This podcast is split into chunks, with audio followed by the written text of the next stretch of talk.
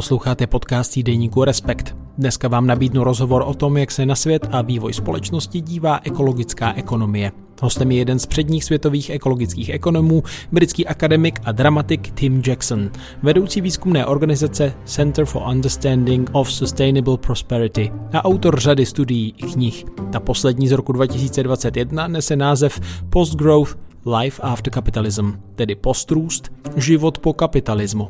Jak by podle něj mohla fungovat společnost, která závislost na hospodářském růstu nahradí ideou nerůstu? Je to utopie nebo snad schůdná a dokonce nutná cesta?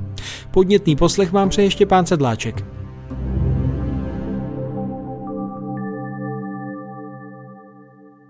The students in primary and secondary schools nowadays uh, also learn basics of economics and they learn Už na základních a středních školách se dnes učí základy ekonomie. Děti zjišťují, co to je nabídka a poptávka a učí se o základních principech trhu. Jaká zásadní informace by z pohledu ekologické ekonomie neměla v jejich učebnicích chybět? Well, in a way I think that's very very easy to answer by reference to you know the work of Herman Daly. Myslím, že na to se dá velmi snadno odpovědět odkazem na práci Hermana Dalyho, který bohužel loni zemřel. Poukázal na to, že ekonomika je ve skutečnosti ceřinou společností životního prostředí.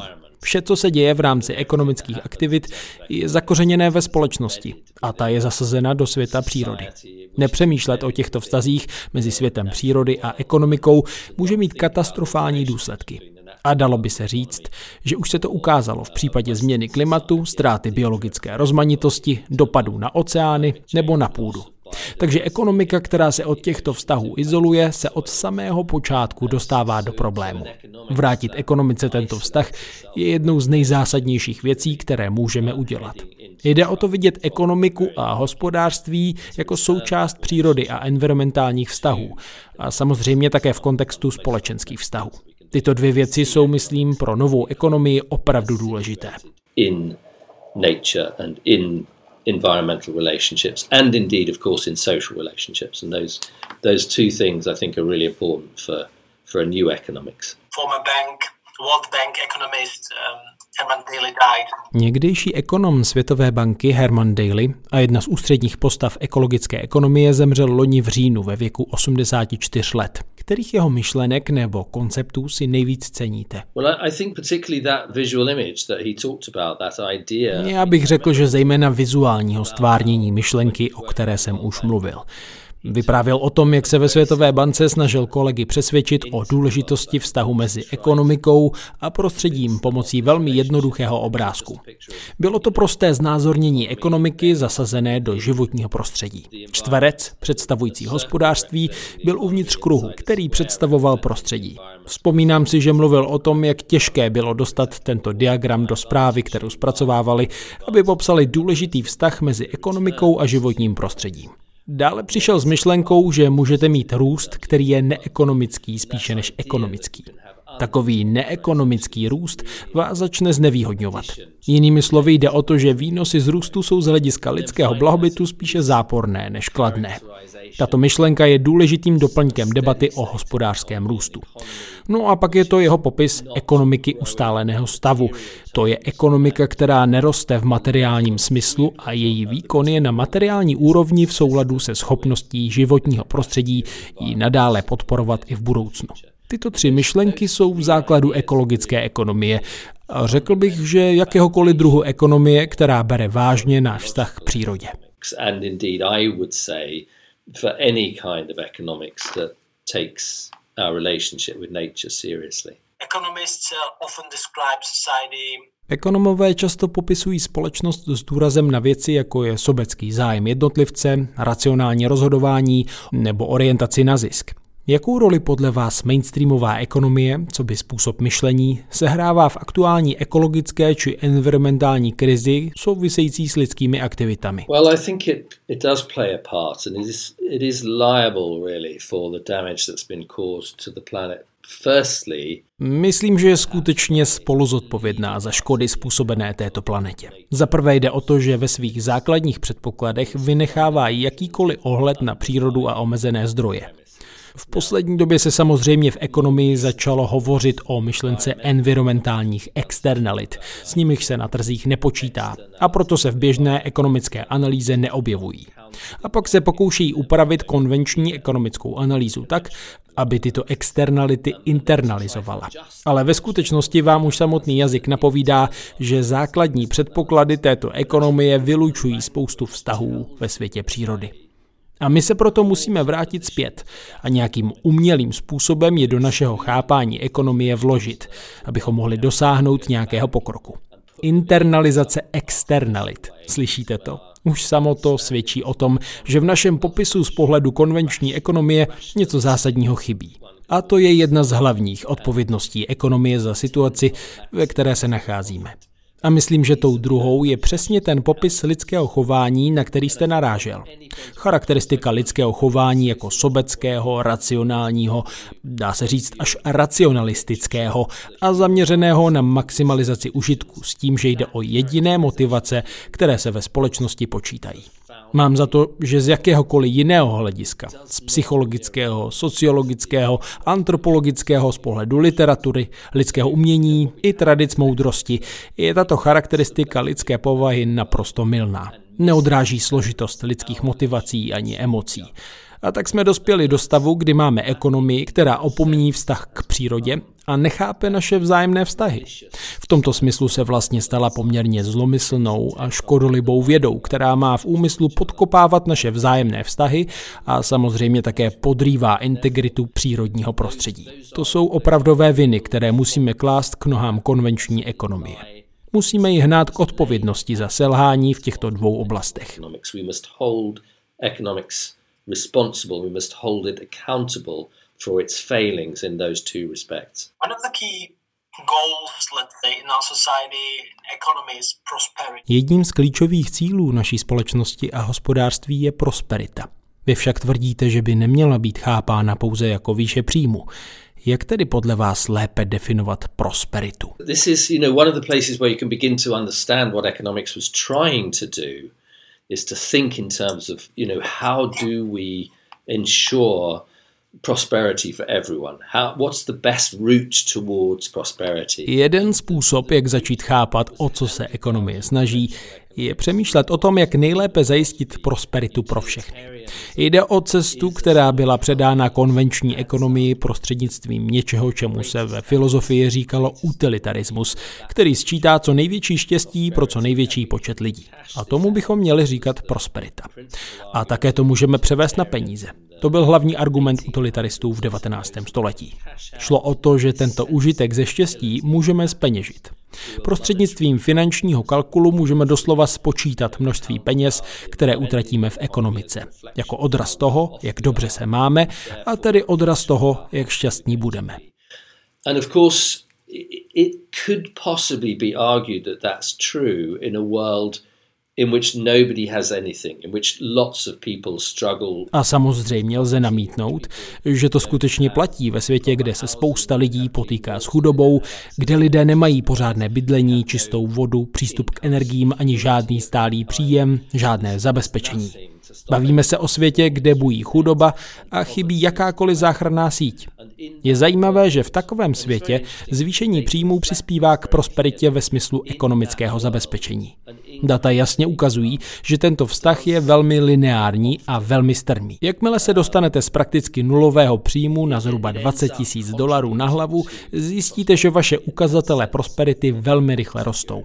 Zvyšuje se délka života, zvyšuje se účast na vzdělávání, klesá dětská umrtnost, klesá nemocnost matek. Váš pocit štěstí se v tomto období skutečně zvyšuje. Jak se dostáváte ze stavu, kdy jste neměli nic, k obstojnému příjmu. And then there's a point beyond that where the, the curve, the relationship between income and prosperity. Jenže pak je tu bod, za kterým se křivka symbolizující vztah mezi příjmem a prosperitou splošťuje. Následuje dlouhé období, během něhož dochází k značnému nárůstu ekonomických příjmů, ale nedochází k velkému nárůstu prosperity.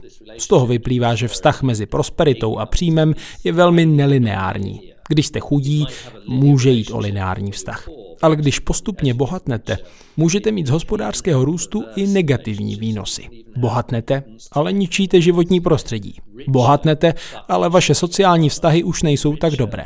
Bohatnete, ale věnujete méně pozornosti dětské úmrtnosti nebo duševní pohodě dětí.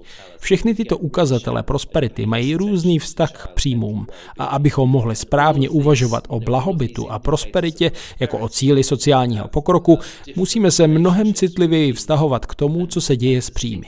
Jak říkám, brzy vám dojde, že jde o nelineární vztah. Další věc, kterou se velmi rychle naučíte, je, že pokud se zaměříte pouze na výši příjmu, nakonec podkopete některé opravdu důležité aspekty prosperity, které nejsou sami o sobě zajištěny příjmem. A někdy si honbou za růstem způsobíte větší škody, než když se zaměříte na prosperitu. If you just focus on income, you end up undermining some of these really important aspects of prosperity which are not in themselves delivered by income. And sometimes, you know, you, you end up causing yourself more damage by chasing growth than by focusing on prosperity. Když je řeč o bohatých zemích a společnostech, vy jste spolu autorem komentáře, který loni v prosinci zveřejnil recenzovaný vědecký časopis Nature s titulkem Nerůst může fungovat. Tady je návod, jak může pomoct věda. Spolu s kolegy vyzýváte bohaté státy, aby se vzdali cíle ekonomického růstu, který je v centru světového hospodářství. Voláte potom, aby firmy a národy přestaly usilovat o každoroční navyšování produkce, která má za následek klimatickou a ekologickou krizi. Namísto toho jim nabízíte koncept nerůstu. Cituji. Bohaté ekonomiky by se měly vzdát růstu hrubého domácího produktu HDP jako cíle. Omezit destruktivní a zbytečné formy výroby, aby se snížila spotřeba energie a materiálu a zaměřit hospodářskou činnost na zajištění lidských potřeb a blahobytu. Tento přístup, který se v posledních letech prosazuje, může umožnit rychlou dekarbonizaci a zastavit ekologický rozpad a zároveň zlepšit sociální podmínky. Uvolňuje energii a materiály pro země s nízkými a středními příjmy, v nichž může být růst pro další rozvoj stále zapotřebí. Na rozdíl od recese, která je chaotická a sociálně destabilizující a k níž dochází, když se ekonomikám závislým na růstu nedaří růst, je nerůst cílevědomou strategií, která stabilizuje ekonomiky a umožňuje dosáhnout sociálních a ekologických cílů. Konec citace. To je z úvodu toho článku.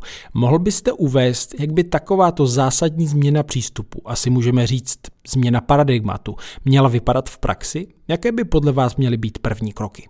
The first step is a recognition of what we were talking about before that prosperity and growth are not the same thing, that well being is not the same thing as growth, that the quality of life isn't the same thing as growth, and actually that it's possible to decouple those two things. Myslím, že prvním krokem je uznání toho, o čem už jsme mluvili. A sice, že prosperita a růst nejsou totéž. Že blahobyt není totéž, co růst. Že kvalita života není totéž, co růst. A že je vlastně možné tyto dvě věci oddělit. Je třeba uznat, že můžete usilovat o dobrou kvalitu života a lepší prosperitu tím, že přesunete svou pozornost od této ústavičné posedlosti růstem HDP. Na prvním místě je toto pochopení a pak následuje mnohem těžší krok, o němž v tomto článku také píšeme. Vybudovali jsme společnosti, které se staly závislými na růstu. Vytvořili jsme instituce závisející na hospodářském růstu. Naše finanční trhy jsou závislé na hospodářském růstu. A naše sociální systémy jsou závislé na daňovém systému, který je také závislý na zvyšování příjmů z růstu příjmů obyvatelstva nebo rostoucí produkce podniků. Víte, nejprve musíte udělat něco na způsob toho, co se radí lidem trpícím závislostí. První, co musíte udělat, je si plně uvědomit, že jste závislí. To je ten bod, kdy vám musí dojít, že prosperita vlastně není to též, co růst. Snažíte se dosáhnout svatého grálu blahobytu a vysoké kvality života, ale mechanismy, kterými to děláte, vás k tomu nevždy dovedou. To je první krok. Druhým krokem je porozumět mechanismům, pomocí kterých se tato závislost projevuje.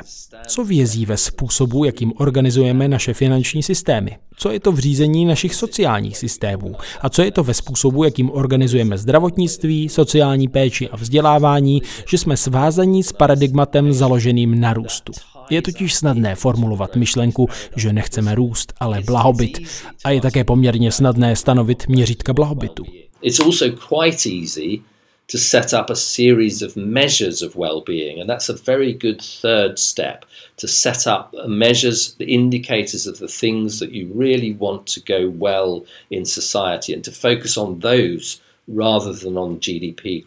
To je velmi dobrý třetí krok. Stanovit indikátory toho, jestli se společnosti skutečně daří a zaměřit se spíše na ně, než na růst HDP a celé té závislosti na růstu. Jde o to pochopit, kde přesně je zakotvená napříč naší sociální strukturou a začít ji rozplétat.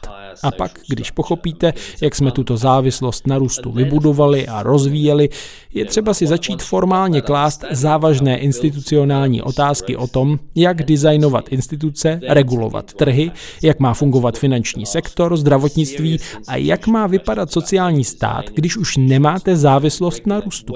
A to je celkem náročný politický program aktivit, který postupuje krok za krokem, sektor po sektoru, abychom dosáhli postrůstového světa. To přichází na řadu až potom, co si opravdu uvědomíme, že jsme závislí na růstu. Actually, once we've got beyond that simple step of identifying that we're addicted to growth, that we then have to do the hard graft to achieve a post-growth world. Economical growth is uh, closely linked to Hospodářský růst je úzce spjat s kapitalismem, který je založen na investování kapitálu ve snaze dosáhnout zisku. Myslíte si snad, že by se od takového kapitalismu mělo upustit? Vaše poslední kniha se konec konců jmenuje Postrůst život po kapitalismu. The premise of post-growth life after capitalism wasn't so much a sort of, you know, gung-ho abandoning of the past – Premisa té knihy nespočívala v nějakém nadšeném opouštění minulosti. Šlo mi spíše o uznání faktu, že systém, v němž žijeme, jako každý systém, ve kterém kdy kdo žil, je společenský systém. A jako takový se vyvinul za určitých podmínek v určitém historickém období a plnil určitou funkci pro lidský druh a společnost dané doby. Podmínky společenského systému se mění.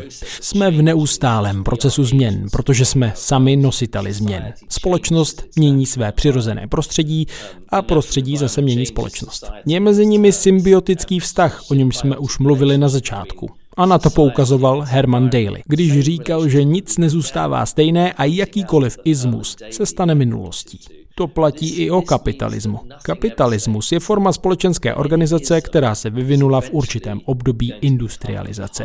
V němž roli kapitálu a vztah mezi kapitálem a prací určovaly podmínky dané historickou podmíněností dané doby a místa. Výchozím předpokladem mé knihy je povzbudit nás k tomu, abychom přemýšleli, co bude následovat za podmínek, v nich se ocitá náš svět. Máme tady obrovské environmentální výzvy a máme i obrovské sociální výzvy.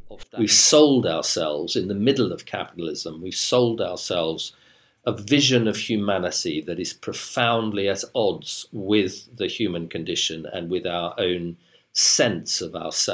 Uprostřed kapitalismu jsme sami sobě prodali vizi lidstva, která se zásadně neschoduje s vymezením lidského života a naším vlastním sebepojetím.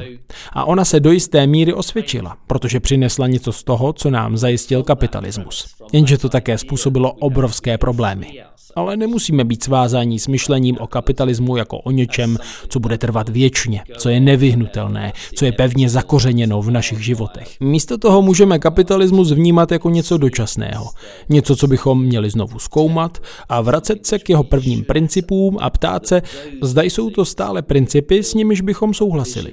Další věc, kterou v knize dělám, je, že stanovuju různé jiné principy, které lépe popisují náš vztah k sobě navzájem i vůči přírodě a lépe zkoumají co znamená prosperita. To jsou věci, na nichž můžeme vybudovat vizi společenského pokroku, který jde nad rámec kapitalismu a vede nás mimo něj. Jaký je důvod, proč se do toho pouštět, kromě toho, že kapitalismus se ukázal jako zásadně špatný, pokud jde o životní prostředí nebo společenské vztahy? Chybný je i ve vztahu k vlastní finanční struktuře. Jde o soubor vnitřních rozporů v samotném kapitalismu. Kvůli nim se nablízkaný povrch systému může náhle pokrýt trhlinami a téměř se začít rozpadat.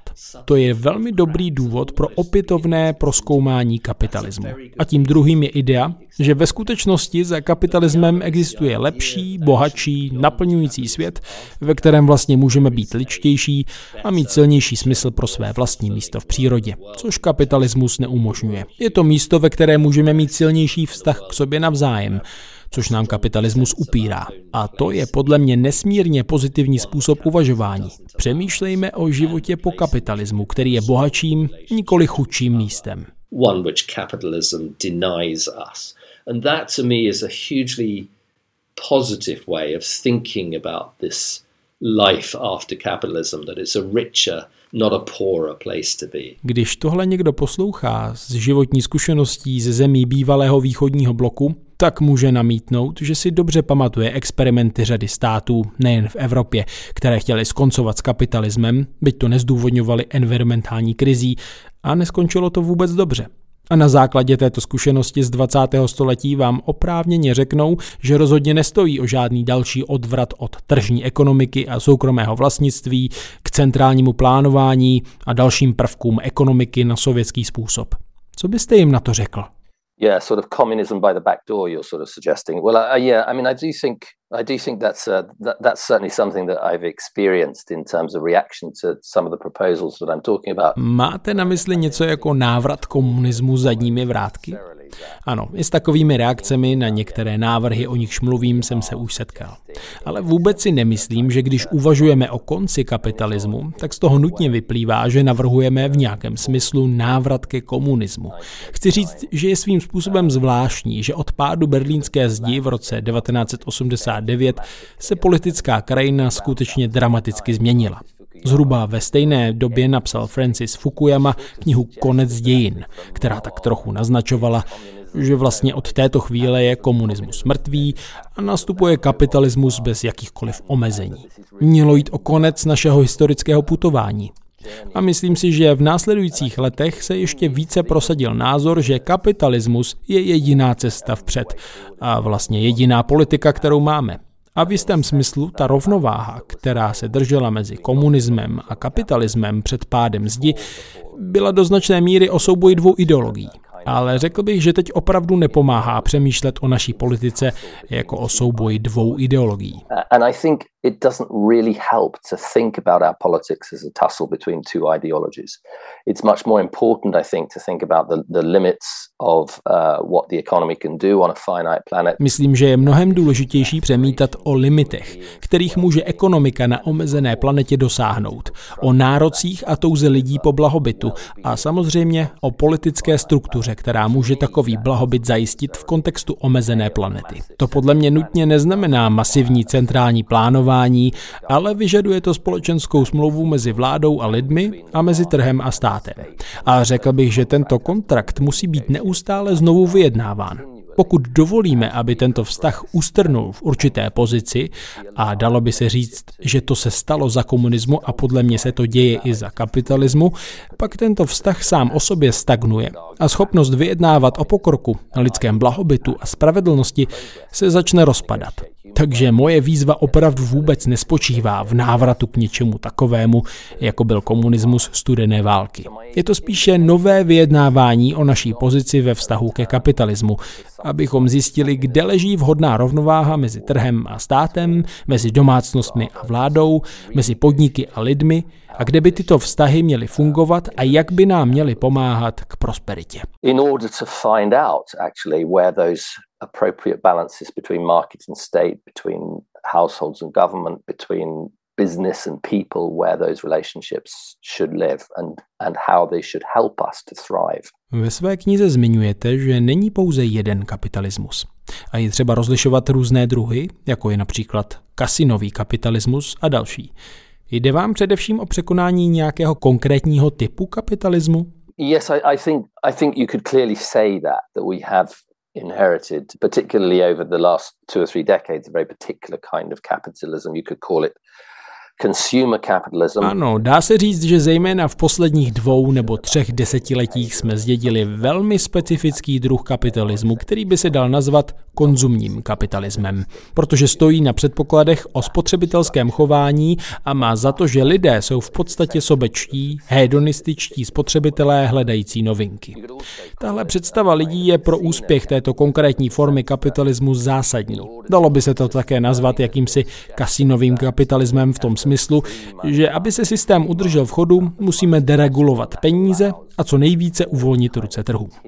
A to umožňuje jakýsi nepřetržitý proces, kdy vítěz v biznisovém prostředí bere vše. A tato filozofie vítěz bere vše je velmi podobná filozofii kasína. Vložíte své peníze tam, kde si myslíte, že je další nejvyšší výnos, bez ohledu na sociální náklady tohoto výnosu. A doufáte, že až přijde čas, vyděláte právě vy a budete to vy, kdo uteče se všemi penězi. Mám za to, že tato forma velmi sobecky orientovaného kasínového kapitalismu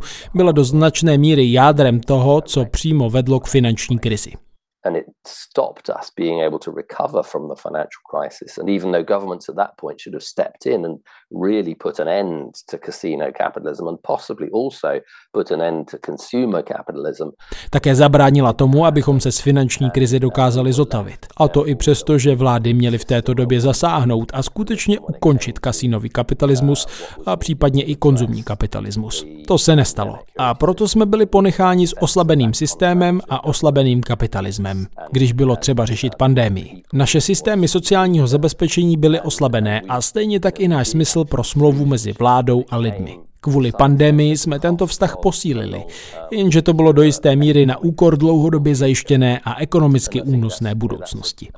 A to je pozice, ve které se nacházíme teď. Zajímavé je, že když jsem v roce 2020, těsně před pandemí, psal knihu Postgrowth, objevila se spousta sebekritiky kapitalismu vycházející zevnitř. V knize se tomu trochu věnuju, ale v té době bylo cítit, že se lidé snaží znovu objevit kapitalismus. Mluvilo se o kapitalismu orientovaném na účel či smysl, nebo woke kapitalismu, jak to nazval jeden článek v New York Times. A tento proces byl samozřejmě masivně narušen pandemí. Poté se většina rozhovorů vedla o tom, jak znovu nastartovat kapitalismus, aniž by se kriticky debatovalo o tom, o jaký druh kapitalismu má jít a zda by to vůbec v dlouhodobém horizontu měl být kapitalismus. Enough critique, I would argue about what that kind of capitalism is and and actually whether it should be capitalism in the long run at all. What would you say to those who, on the contrary, say that we actually need more growth? Co když vám někdo namítne, že ve skutečnosti potřebujeme více kapitalismu, který bude založený na zeleném růstu a inovacích? Mnozí věří, že se podaří tzv. decoupling, tedy oddělení ekonomického růstu od negativních dopadů na životní prostředí. Yeah, well, I mean, the first thing to do would be show me some. Because we do see you know we do see some of that decoupling and I'm not arguing against decoupling I you know I started my career really looking at Tak mi ho ukažte. Jsme sice svědky určitého decouplingu a rozhodně proti němu nic nenamítám. Myslím, že je to opravdu dobrý nápad.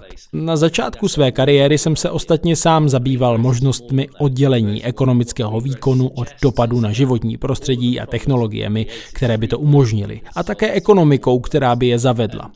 Koncept zeleného růstu naznačuje, že všechny problémy, které jsme způsobili růstem, můžeme vyřešit dalším růstem. Jenže to znamená, že toto oddělování se musí dít čím dál rychleji v míře, která nemá ve známé historii obdoby. Pokud chceme dosáhnout čistých nulových emisí ve snaze omezit nárůst průměrné globální teploty na 1,5 stupni, pokud chceme chránit biodiverzitu a zajistit ochranu 30% souší i moří do roku 2030, na čem se státy dohodly v prosinci na konferenci OSN COP15 v Kanadě, tak musíme v rámci tohoto růstového paradigmatu provádět decoupling, provádět decoupling opravdu hodně rychle.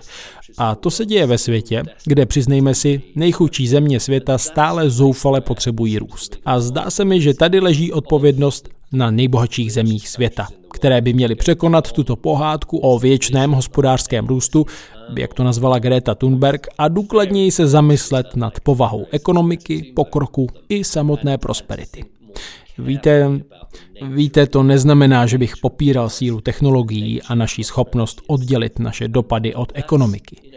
Je to jednoduchý posun, který říká, že bychom vlastně také měli oddělit prosperitu od hospodářského růstu, který nám dává větší, nikoli menší manevrovací prostor v době, kdy se snažíme čelit výzvám, o kterých se bavíme.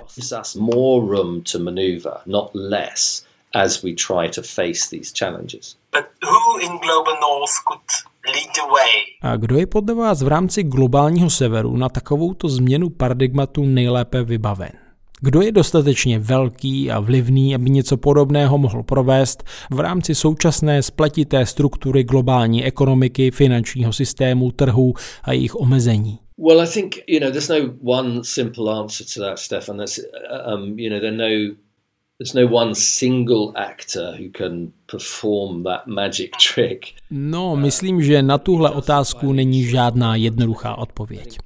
Víte, neexistuje jeden aktér, který by to dokázal provést jako nějaký kouzelnický trik. Ale určitě to vyžaduje vedení ze strany vlády. Myslím, že vláda si zachovává opravdu důležitou a zajímavou roli. Oblíbili jsme si příběh o tom, že státy by se neměly plést do cesty, že jsou neefektivní, měly by být co nejmenší a neměly by zasahovat do podnikání. Nerušený biznis vytvoří aktivní trh, který pak vyřeší všechny problémy. To je velmi silně zažitý mýtus, ale v tuto chvíli nám není k užitku. Znám lidi v biznisu, kteří se snaží dělat změny, ale je pro ně téměř nemožné je provést v otevřeném a zcela konkurenčním prostředí, pokud tam neexistuje nějaký rámec stanovený státem a regulovaný vládou, který zaručí, že kroky správným směrem, které dělají dobré firmy, jsou ve prospěch zemí a společností, kde působí. Je tu nebezpečí, že bez podobné regulace a politického vedení je pro firmy téměř nemožné jednat v nejlepším zájmu budoucnosti i svém vlastním, pokud se snaží stát opravdovou udržitelnou firmou. Takže se musí zapojit podniky i vlády, které ovšem potřebují mandát od občanů. Takže všechny tyto tři strany musí spolupracovat. Občanská společnost, trh a biznis a vláda v roli vizionáře v čele, který to reguluje. Všechny tři síly se musí spojit, aby došlo ke změně, o níž mluvíme. And of course that makes it in some ways very easy for a to samozřejmě v některých ohledech usnadňuje, aby kterýkoliv z aktérů celý problém odmítnul, protože nad ním nemá úplnou kontrolu. Vždycky to tak bylo. Nikdy neexistovala jedna strana společnosti, která by zcela ovládala vývoj společnosti do budoucna. Vždycky to bylo vyjednávání mezi lidmi a státem, mezi trhem a domácnostmi, mezi gendry, mezi muži a ženami, mezi různými skupinami lidí, různými rasami. A toto vyjednávání je vlastně zásadní pro to, jak vnímáme společenský pokrok a jakým způsobem společenský pokrok v praxi uskutečňujeme. Tohle je dlouhá a poněkud komplikovaná odpověď na vaši otázku. Neexistuje jediná osoba, která by to všechno dokázala nějak zázračně zařídit. A přesto se na tom podílí každý a všechny sektory společnosti. Long and slightly complicated answer to your question is that there is no single person who can just magically make that all happen and yet everybody and all sectors of society have some role in that. Many economists are warning of a global recession with all its possible consequences. Mnozí ekonomové v poslední době varují před celosvětovou recesí se všemi jejími možnými důsledky. Moderní ekonomiky jsou v současném systému, který je založený na úvěrech, vedeny k růstu. V případě oslabení růstu jsou ohrožena pracovní místa a živobytí lidí. Domníváte se, že lze takový posun směrem k nerůstu provést, aniž by se společnost zhroutila? It's a really, it's a really important question and in some, in some ways it's unanswerable because you know we can none of us really see into the future. I would say a lot depends how we attempt to handle that transition. And Tohle je opravdu důležitá otázka. A v některých ohledech je nezodpověditelná. Nikdo z nás nevidí do budoucnosti. Řekl bych, že hodně záleží na tom, jak se pokusíme tuhle změnu provést. A zda se jí chopíme jako skutečně nutného přechodu, nebo zda se ho budeme snažit znovu a znovu popírat a tím se budeme posouvat dál ke kolapsu. Historicky jsme se to vlastně většinou snažili popřít, protože je tu opravdu zajímavá skutečnost a to, že například ve vyspělých ekonomikách OECD Klesá dlouhodobý trend růstu HDP, a to nejen v průběhu pandemie COVID-19, války s Ukrajinou, dokonce ani v průběhu finanční krize. Míra růstu ve vyspělých ekonomikách oslabuje od přelomu 60. a 70. let minulého století. A po většinu té doby jsme to popírali. Zaváděli jsme opatření a doufali, že podpoří tempo růstu, například tím, že deregulujeme finančnictví, stimulujeme některé druhy investičního kapitálu, že potlačujeme růst mest, který by mohl vést k inflaci a tak dále. A většina z toho ve skutečnosti vedla k další destabilizaci společnosti. Nacházíme se ve velmi zajímavé chvíli, kdybychom se měli probrat a uvědomit si ekonomickou realitu, v níž žijeme.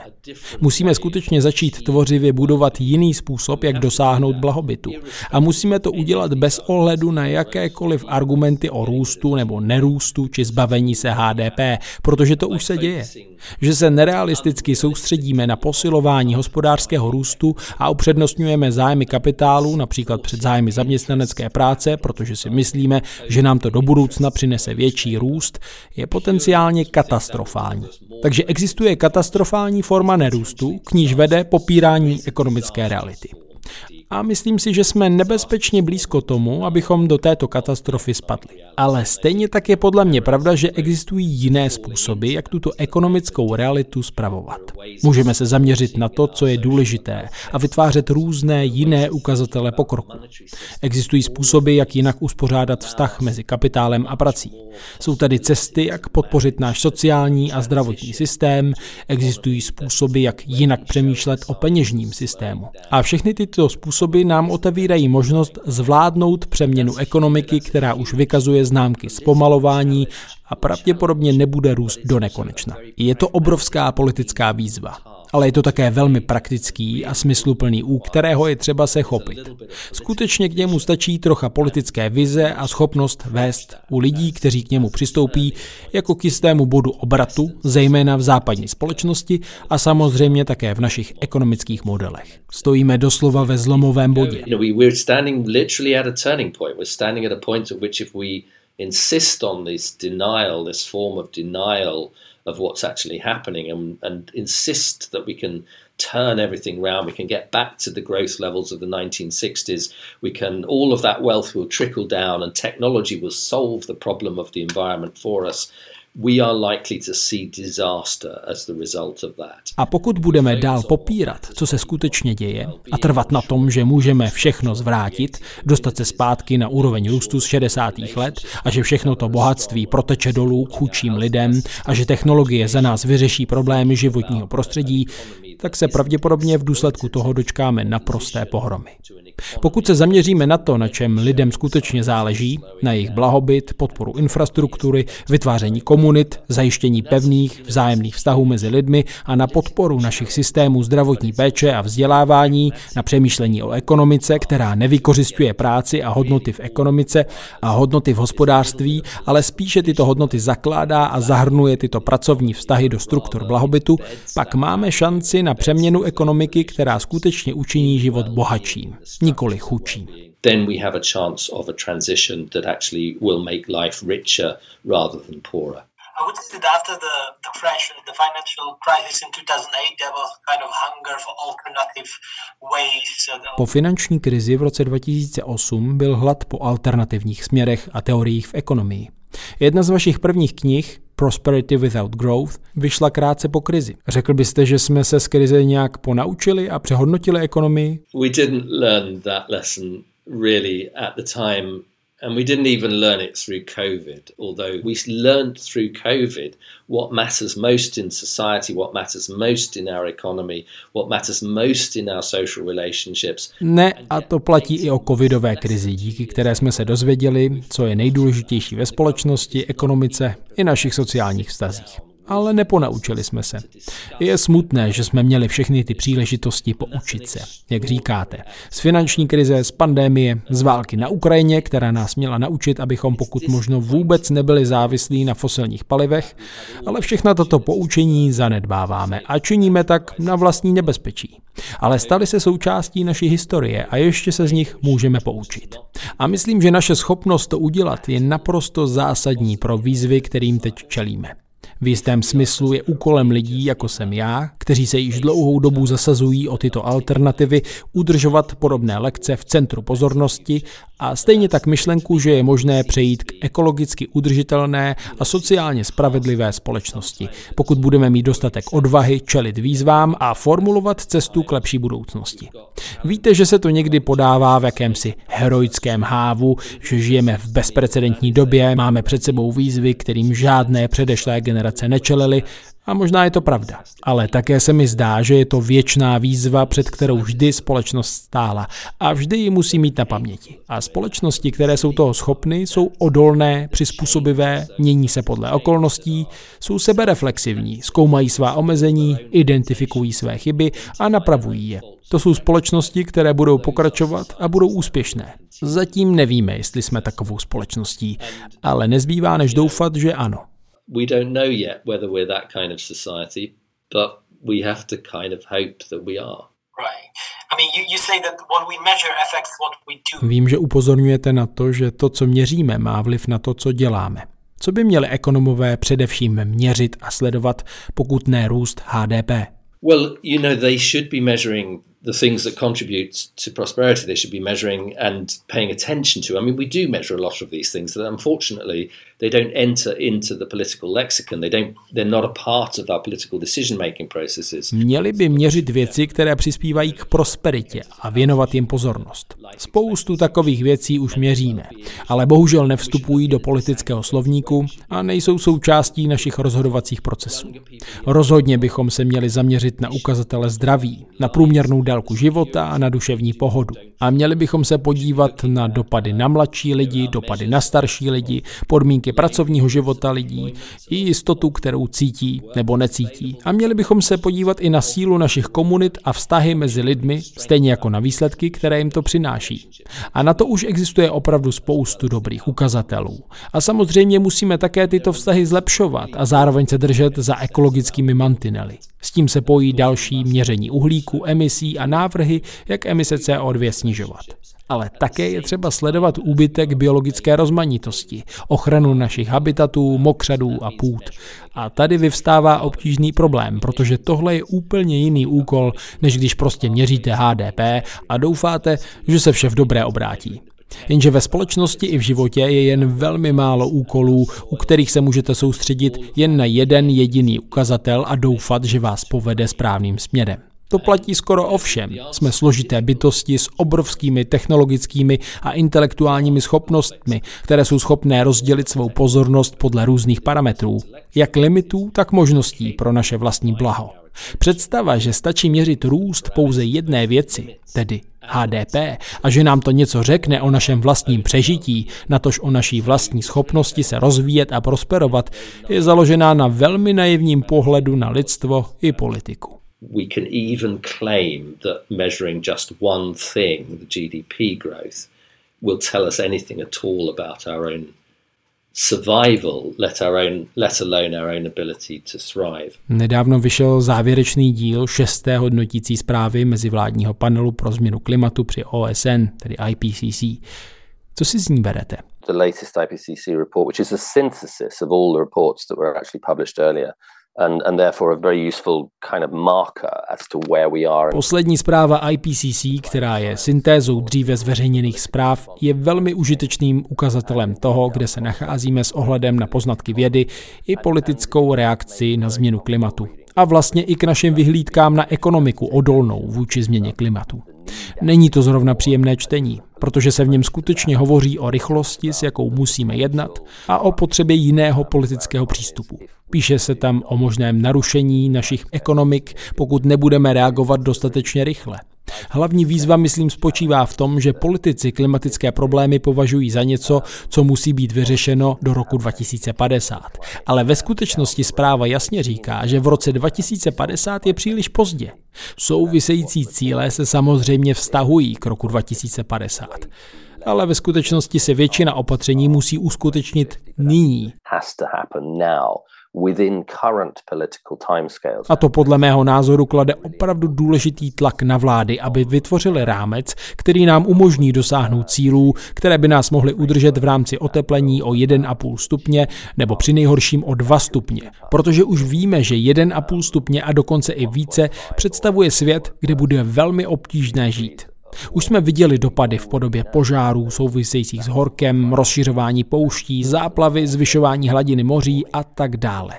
Takže všechny tyto dopady, a o tom zpráva hovoří, se budou jen zhoršovat. A časové okno pro vytvoření odolnosti vůči změně klimatu je v řádu několika let, maximálně desetiletí. A to je pro vládu obrovská výzva. Je to zásadní výzva pro ekonomický systém i pro technologie, které používáme a také pro sociální ambice, které máme. Takže tahle zpráva je výzvou k probuzení, jak pro politiky, tak pro nás všechny.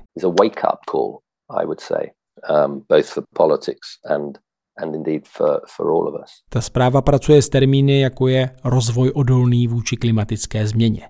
Jak hodnotíte postoj IPCC k otázkám dalšího vývoje ekonomiky a růstu? IPCC je stále mezivládní panel, který chce být vyslyšen vládami. A vlády jsou stále vládami, které se obecně za to drží představy hospodářského růstu. A tak IPCC do jisté míry ve svých doporučeních dostatečně neprosazuje myšlenku, že bychom se měli zabývat naší závislostí na růstu. A myslím, že to je věc, kterou právě ekologická ekonomie přidává do veřejné diskuze.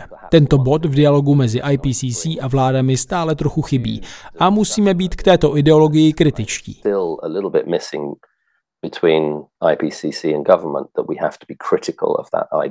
S hospodářským růstem počítají ostatně také cíle udržitelného rozvoje OSN, ne? SDG 8, which is my least favorite SDG goal, uh, Sustainable Development Goal is is essentially uh, a, a very mixed up requirement that we should. To je cíl udržitelného rozvoje číslo 8, který je mým nejméně oblíbeným cílem ze všech 17.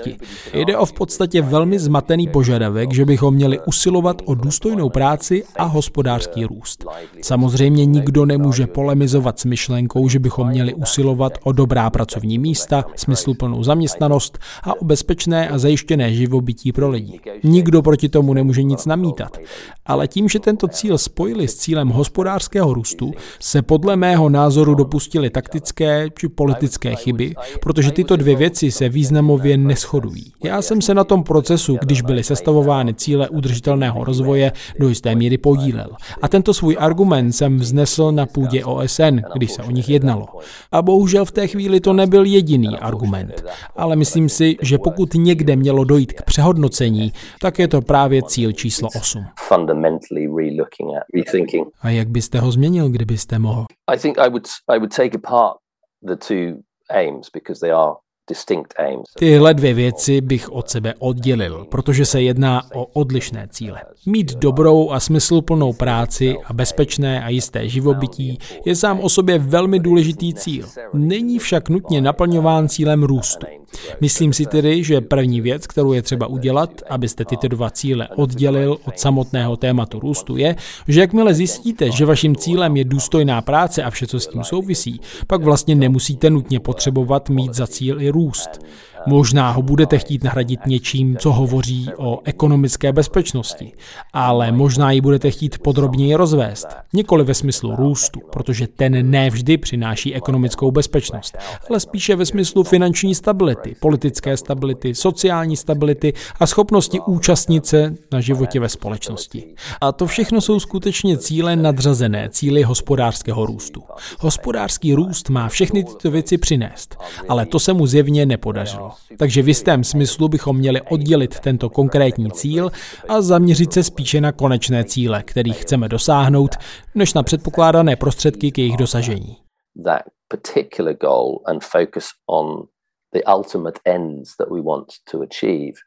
Rather than the supposed means of achieving them. You are also an artist, a playwright. Vy nejste jen ekonom, ale také umělec, dramatik, který považuje růst za ústřední mýtus naší společnosti. Máte nějaké oblíbené umělecké dílo, možná příběh nebo něco, co odráží tento mýtus, či nějaké související téma, o kterém jsme hovořili? Mám na mysli dílo, které by mohlo pomoct to vidět ještě trochu jinak. It's very interesting. One of the stories that I told in Post Grace was the story of John Stuart Mill, who at a certain point in his life had a big mental crisis. Ve své poslední knize vyprávím příběh Johna Stuarta Milla, který v určitém období svého života procházel velkou krizí. Dnes bychom ji nazvali krizí duševního zdraví. Bylo to v době, kdy se snažil vytvořit myšlenku utilitarismu, ten velký kalkul ekonomických statků. Uprostřed toho se jednoho dne probudil s obrovskými pochybnostmi o celém svém projektu. Je zajímavé, že záchranu našel v několika věcech. Jednou z nich byla hudba a další poezie. Konkrétně šlo o báseň Williama Wordswortha s názvem Old Intimations of Immortality, česky náznaky nesmrtelnosti, kde se Wordsworth snaží evokovat pocit lidské duše, která přesahuje racionální ekonomickou osobu, co se zajímá jen sama o sebe. A to bere jako výchozí bod a ústřední prvek myšlení o společenském pokroku, o naší vlastní lidskosti. Ale Mila nakonec před duševní krizí zachránila láska. Zamiloval se. Umění ostatně skvěle zachycuje hloubku lidských emocí, konfliktů i obrovskou vášeň, která může pohánět dopředu život duše.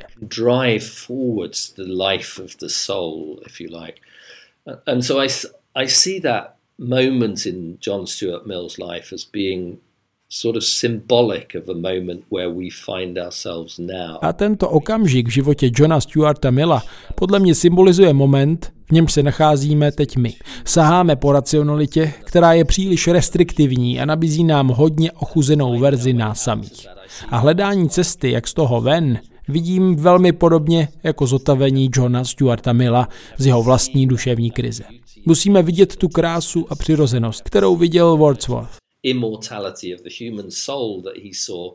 We have to capture that in in our art, but also in our lives. Musíme vidět nesmrtelnost lidské duše, kterou viděl on, a zachytit ji v našem umění i v našich životech. Musíme ji respektovat a ctít v našich institucích, ve smyslu společenského pokroku.